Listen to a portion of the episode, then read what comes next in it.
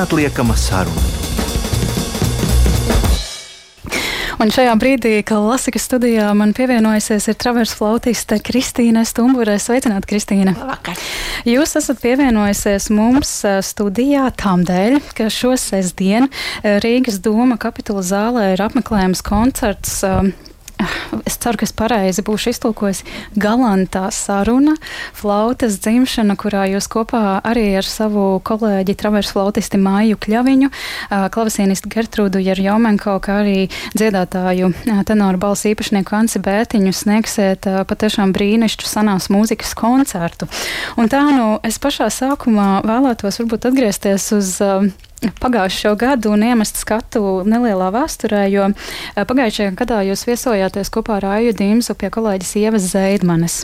Un uh, jūs sacījāt, ka mēs visi nākam no modernās flautas, un mēs visi, protams, domājot uh, travers flautistus, un man liekas, ka tas ir ļoti interesanti, vai ne, ka mēs sākam ar kaut ko pavisam jaunu, un tad jūs ceļojat tādā vairāk um, tā kā pagātnē atpakaļ. Un es domāju par to, mm, Kāpēc, jūsuprāt, tā modernā flauta, kas šobrīd ir šī sudrabainā vai zeltainā flauta, palika populārāka pasaulē par to traversu flautu, kas ir šis skaistais koks ar dažādām nokrāsām un tam līdzīgi? Vai tas bija repertuāra dēļ, ka vairāk bija skaņdarbi rakstīti? Vai, jā. es domāju, ka tas vienkārši ir dabisks vēstures ritējums. Nekas nestāv uz vietas, viss attīstās. Un, un, un kaut kādā veidā iet pa spirāli. Un, Un atkal ir atgriezusies šī senās mūzikas kustība, un, un mēs uz to visu skatāmies jau atkal savādāk ar 21. gadsimta cilvēku acīm un ausīm klausamies, un mums tas atkal ir interesanti.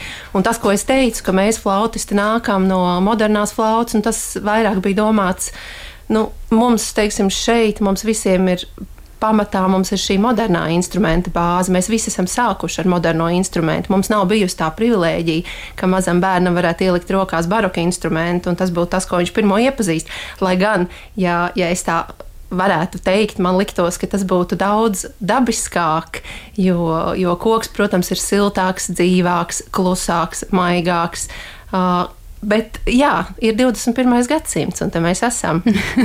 Vai, ja travers flautu ieliktu rokās tiešām nu, šim septiņgadīgajam cilvēkam, mazajam cilvēkam, kurš tik, tikko ir sācis apgūt instrumentu spēli, um, vai šī travers flauta būtu ļoti jūtīga uz šī cilvēka um, vēlmi izpausties, vai jūs teikt, ka viņa tieši saplūstu vairāk, uh, daudz labāk? Instruments ir jūtīgs, jā, bet. Uh, instruments vairāk reaģē, bet es domāju, ka eh, šim septiņgadīgajam bērnam būtu daudz dabiskāka šī instrumenta apguve, jo mēs ar šo savu modernā instrumenta bāzi mums ir ļoti daudz pretestības. Mums liekas, ka šis instruments skan netīri, ka mums ar viņu ir jācīnās. Eh, paiet diezgan ilgs laiks, kamēr mēs, nu, atslābstam, iemācāmies reaģēt, klausīties. Es domāju, ka bērns to pieņemtu dabiski, ka tā tas ir. Es ar instrumentu dzīvoju, es ļoti uzmanīgi klausos, es intonēju. Uh, un tas viss notika daudz dabiskāk nekā mūsu gadījumā. noteikti arī tā kaut kāda domāšana būtu pilnīgi citādāka un brīvāka. Nu, noteikti, jo, nu, kā mēs teiksim, šī mūzika, mēs uh, sakām, visa šī mūzika ir retoriska, viņa ir kā saruna. Uh, atkal mm. ar 21. gadsimta cilvēka prātu to ir grūti saprast. Jā, es domāju, ka bērnam gribam... to valodu varētu, to mūzikas valodu iemācīt daudz dabiskāk. Jā, jo mēs taču tik ļoti gribam visu kā sakārtot kārtīgi un pareizi iemācīties. Jā, un mēs frāzes. esam ielikti rāmjos, kā vajag. Jā, jā. jā. Uh, Kristīna, sakiet, um, travelša flauta, vai viņa arī ir um, trīsdaļīga, uh, korpus ir trīsdaļīgs, tāpat kā šai modernajai flautai? Korpus ir četrdaļīgs, ir vēl oh. mazā, ma, mazā ap, daļiņa apakšā ir. Bet tā, tā lielākā atšķirība, uh, faktiski, ko Bēns izdarīja ar savu flautas reformu, Protams, instruments ir koka, bet tas nebūtu tas būtiskākais. Būtiskākais ir urbums. Šim baroka instrumentam ir konisks urbums, pretstatā modernajai flautai, kurai ir cilindrisks urbums. Tātad tas bija tas, ko izmainīja, uh, sākot likt klāt. Klapas jau sāka likt klāt pirms tam. Bet ar šo urbumu faktiski izmainījās visa, visa instrumenta fizika, kā veidojās skaņu rinda. Var sakot, lai panāktu maksimāli izlīdzinātu skaņē, skanējumu, skaņojumu, intonāciju. Tas bija tas, kas izmainījās. Mm, tad man uzreiz nāk prātā par šo pašu tēmu blokflauta un traversflauta. Šī uh, kā bija šķērsgriezuma, ir traversa flauta. Šķērs flauta un garena flauta, tā mēs varētu jā. teikt. Jā. Protams, eh, viņas kaut kādā ziņā ir radinieces, jo abi ir koka pūšama instrumenti, bet nu, tā kā pūšanas princips ir savādāks, tātad garena flauta, ja blokflauta ir ar kā stabula, uh, traversa flautā mēs pārpūšam skaņu. Uh, nu, tad jā, tā, e, e, kāpēc e, vienkārši vēsturiski sauktas par flautām un, un kāpēc ļoti bieži jūka, jā, tas ir apmēram tas pats laiks. Uh, ļoti daudz, eh, ir ārkārtīgi dažādas terminoloģijas. Teiksim, ir diezgan liels juceklis terminoloģijās, gan 17. un 18. gadsimtā, gan arī vēlāk. Eh, katrs ir dēvējis, kā nu gribējis savā partitūrās. Tātad tur ir vesela armija ar pētniekiem, kas to ir apkopojuši un izpētījuši, kā kurš komponists ko ar šo ir domājis. Viens ir rakstījis flauti, viens ir rakstījis flauto dolce, viens ir rakstījis flauto traverso flūda maņa, kas ir interesanti. Mēs stāstām par to, ka, ka traversa flauta ir cēlusies Francijā, bet francūži 17. gadsimta beigās viņu sauc par flūda maņu, tātad vācu flautu. Sakot, juceklis ir milzīgs. Uh, Es neapvainojos, ka cilvēki joprojām jauc, bet uh, jā, blokflauta tā tad ir stabula. Un, un traversa flauta ir šķērs, jo traverso nozīmē kaut kas šķērsām. Mm. Tātad mēs liekam šķērsām klāt. Vai vēsturiski, mm, nu, domājot par šo flautu ģimeni, vai vēsturiski šī blokflauta, jeb tā stabula, kas tiek tātad, nu, novietota priekšā un, un tādā veidā spēlē, tā nāca pirms uh, flautas? Jā, stabulas ir bijušas vairāk izplatītas viduslaiki, tātad renesanse. Uh, blokflautas, un tad paralēli sāka attīstīties arī šīs šķērsflautas. Uh, Renesanses laikā, kad vispār bija šis koncertu spēlēšanas princips, tad ir zināms šīs renesanses traversflautas, kuras visbiežāk spēlēja koncertā. Tā tad viena veida instrumenti, dažāda augstuma. Un tad pamazām, pamazām 17. gadsimta otrā puse, beigas, 18. gadsimta sākums, tad, tad parādījās šie instrumenti.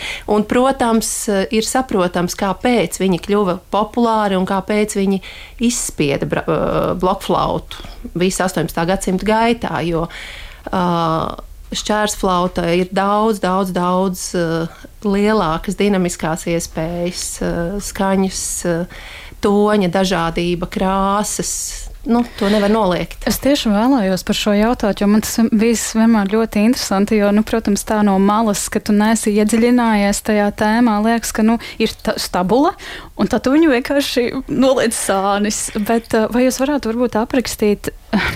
Kas ir tas, kas traversa flautā mēs pārpūšam, un šis pārpūtiens veido virsskaņas. Stabulē pūšot skaņa ir ļoti tieša, ah. tieša un konkrēta. Un tāpēc ir tā, ka faktiski mēs varam atzīties, ka blokflautai jau dinamikas nav. Ir dažādi veidi un triki, kā mēs to kompensējam, lai iegūtu šo dinamisko krāsainību.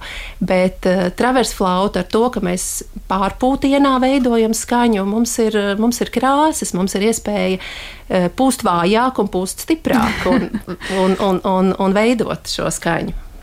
Um, ļoti daudzi komponisti vēsturiski, kas ir rakstījuši mūziku, viņi loģiski arī spēlēja arī šo instrumentu. Tas pats uh, Vivaldi ar uh, violi un Mocards ar violi un klavierēm un tam līdzīgi. Un uh, es iedomājos tieši par šo seno mūziku, un viens no tādiem varbūt galvenajiem varoņiem koncertā, ko jūs sniegsiet sestdien, ir arī uh, Žaks Otetērs. Uh, viņš arī ir komponējis mūziku, un viņš pats arī ir spēlējis, šķiet, ja es pareizi sapratu, vairākus koku pušumu instrumentus. Varbūt mēs pievēršamies pievērsties šim Žakam Otatēram, kurš ir ārkārtīgi interesants ar savu vēsturi. Uh, Kristīna, uh, kura komponista flauta jums ir vismīļākā? Respektīvi, kurš komponists ir radījis priekš jums tos vis, nezinu, jaukākos sirdī tuvākos uh, skaņdarbus? Mm, tas nu gan ir grūts jautājums. Par to man būtu droši vien ilgāk jāpadomā. Bet uh, es, tas ir nesalīdzināmi. Vai es spēlēju franču mūziku, kur ir ļoti specifiska mūzikas valoda, vai tā ir itāļu mūzika, tie paši brīnišķīgie Vivaldī koncerti, mm, sopranīno blokflautai, piemēram, vai telemans. Grūts jautājums. Ir ārkārtīgi daudz uh, ļoti, ļoti, ļoti skaistas un mīļas mūzikas no 17. un 18. gadsimta. Man bija radies iespējas, ka mm, iespējams šajā senajā mūzikā pat viss tāds. Uh, Vislielākais uzsvars ir tieši uz šiem individuāliem komponistiem, jo viņiem katram ir šis savs stils ļoti noteikts. Tāpēc arī man bija šis jautājums, bet no jūsu atbildes es saprotu, ka uh, jūs senajā mūzikā vairāk domājat tiešām par šiem stiliem - franču vai angļu vai britu. Es pareizi saprotu. Jā, ja? jā, mm. jā, vai šis, šis jauktais vācu stils, vai jā, tieši tā. Un, un ja mēs eh, pievēršamies eh, sestdienas koncerta programmai, tad eh, ar šo, ar šo nosaukumu mēs jau dodam dodam ievirzi, ka mēs uh, dzīvosim, uh, rādīsim, uh, stāstīsim par ļoti konkrētu periodu un ļoti konkrētu geogrāfisku vietu. Tātad 17. gadsimta beigu, 18. gadsimta sākuma Francija, Lūija 14. galms, visi šie komponisti, kuri skanējis, ir bijuši Versaļā vai ļoti tuvu Versaļai, dažādos veidos. Var sakot, tāds ļoti specifisks brīdis, Lūijas 14. ārkārtīgi visam, paralēli visam citam izcils mākslas mecenāts, mīļotājs, atbalstījis. Un flauta ir bijusi viņa redzeslokā. Jā, viņš flautists ir mīlējis un atbalstījis. Un, un, un, un skaņdarbus pasūtinājis. Vai viņa dēļ arī nekļuva arvien populārāks tieši šis tā, instruments? Tieši tā, jā, jā, tā mēs varam teikt. Jo, ja mēs tagad eh, pieminam Žako Tetēru, tad eh, jā, viņš pat ir eh, ieguvis valdnieka atzinību. Nu, tas ir kaut kas ļoti izcils. Uh, par savu spēli karalim. Kā, kurš katrs nav apbalvots, oficiāli apbalvots ar valdnieku atzinību. Uh, pirmais flautists, kas spēlējis Parīzes operā. Nu, var sakot, daudz, daudz, daudz tur var stāstīt. Jā, un fakti. šī autotēru ģimene ir ļoti. Um, nozīmīga vēsturē, tāpēc ka viņi, nu, piemēram, tāds Žaks Otatērs ne tikai rakstīja un spēlēja, bet arī ģimene um, radīja šos instrumentus. Jā, savas, būvēja instrumentus, un arī pats Žaks Otatērs ir veicis daudzus nozīmīgus instrumentu uzlabojumus, un arī pats būvējis instrumentus. Šķiet, ka viņš arī tos instrumentus no Francijas bija vedis uz Angliju un tādējādi arī iepazīstinājis. Jā, jā tā teikt, britu publiku ar šiem instrumentiem. Jā. Un es kaut kur lasīju, uh, Gestor datubāzē bija. Um, bija raksts, ka uh, viņš esot aizvedis uz Angliju šos instrumentus, un ka tajā laikā Angļi esot um, ņēmuši šos instrumentus bez mazliet kā par prototipu uh, saviem tā laika instrumentiem. Iespējams, iespējams jā. Mm. Ir, mums liekas, ka tā laika Eiropa bija tāds ļoti noslēgts kopienas, bet patiesībā cilvēki jau ceļoja ļoti daudz, un mūziķi ceļoja daudz, un instrumenti ceļoja. Jā, jā un viens no otra iedvesmojās. Sakiet, man radās tāda interese, jo tad, kad es lasīju par Žako Tēru, vairāk bija daudz pieminēta oboja, ka viņš jā. oboju šitā un jā. oboju tā. Un tad es domāju, kādas tajā laikā ir tās flautas un obojas attiecības, vai par to vispār arī nav jāgarunāt? Uh, vienkārši bija pieņemts, ka cilvēks spēlē vairākus instrumentus. Un viss tas ir ļoti vienkārši. Uh, flauta un oboja visticamāk neskanēja kopā. Teiksim, ja tas bija orķestras skaņdarbs, tad mūziķis sēdēja, viņš spēlēja flautu, un tad viņš vienā brīdī flautu nomainīja uz oboju un turpināja nākošo fragment spēlēt uz obojas. Tā ka vienkārši tas bija pilnīgi normāli, ka mūziķim bija jāpārvalda vismaz divi, trīs instrumenti. Ka cilvēks jā. pats, mūziķis pats varēja būt ansamblis ar sevi. Jā, Kristīna, sakiet, varbūt jūs varētu iepazīstināt uh, klausītājus ar to, uh, kāda būs šī programma, ko mēs tur dzirdēsim, uh, jā, sestdien, 17. 11. februārī.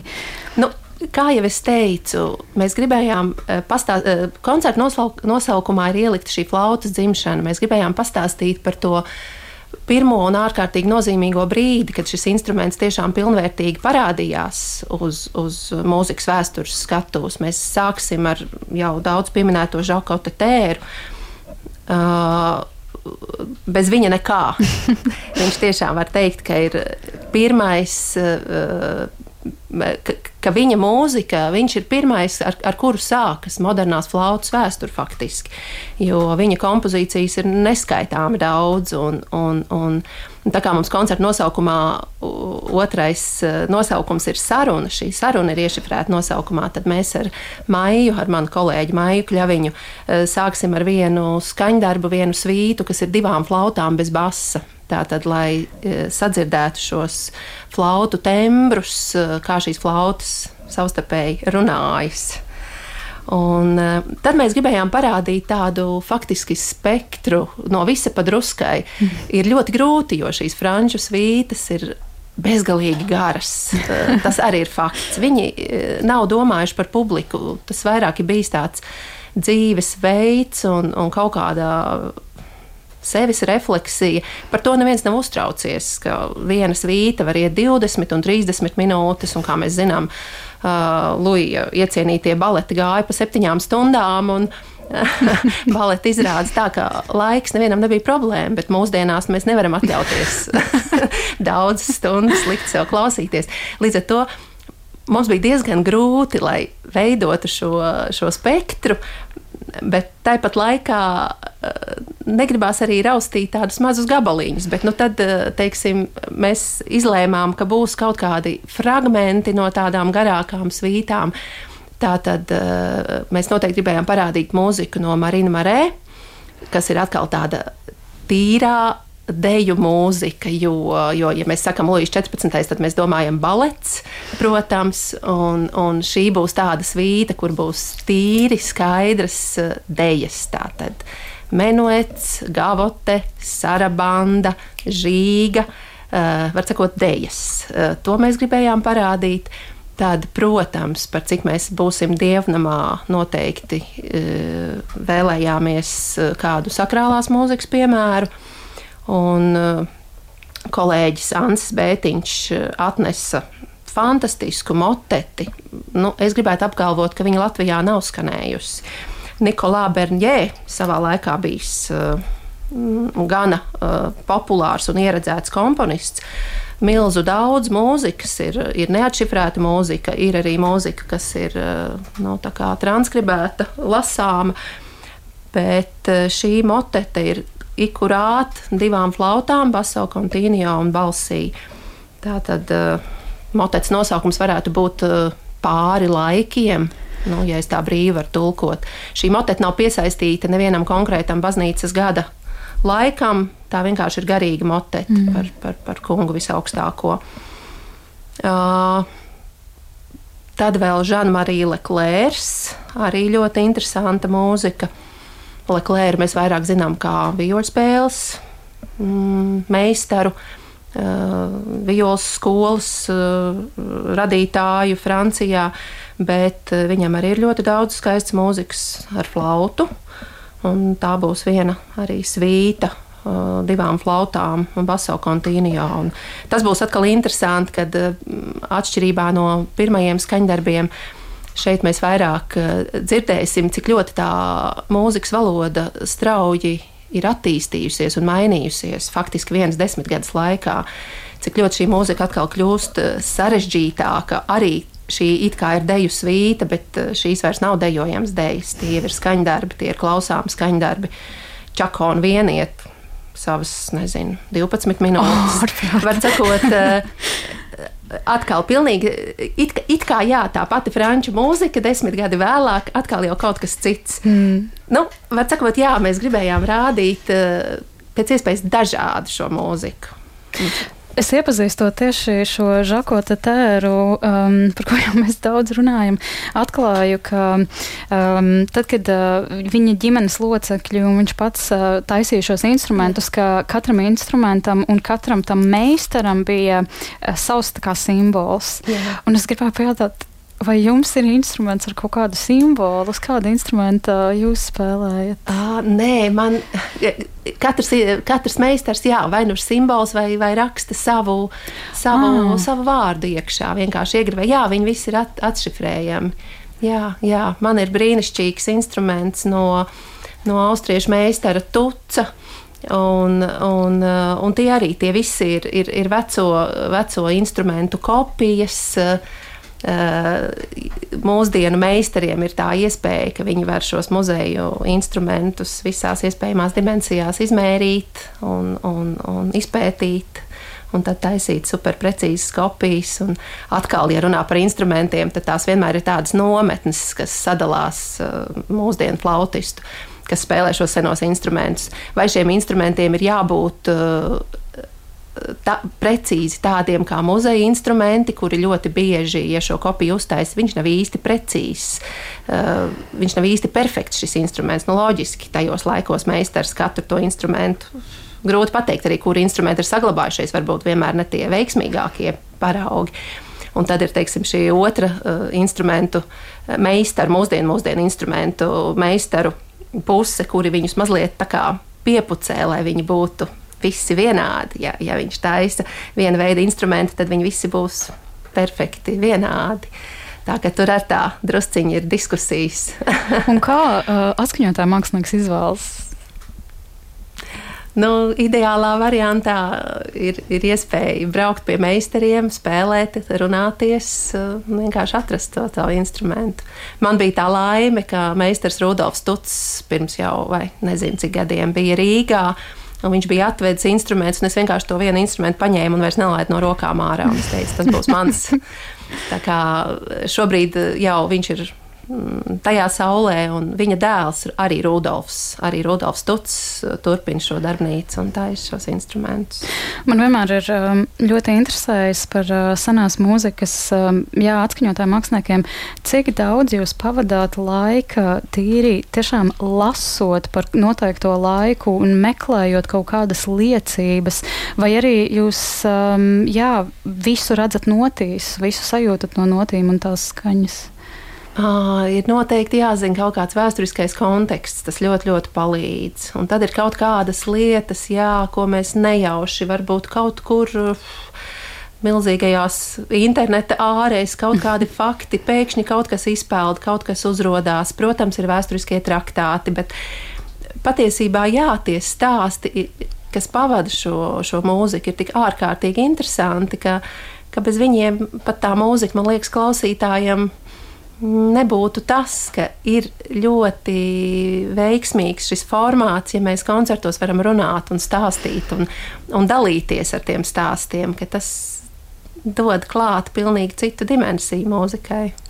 Kā jūs teiktu, vai um, jūs ar saviem kolēģiem, jebkurā koncertā, jebkurā sastāvā, vai jūs klausītājiem vēlaties atveidot to laiku, kāds tas bija, vai arī jūs ar tā laika instrumentiem un mūzikas skaņām vienkārši esat uh, šodienā. Es ceru, ka jūs sapratāt. Jā, nu, tas arī ir grūti. Par to man varbūt ilgāk jāpadomā.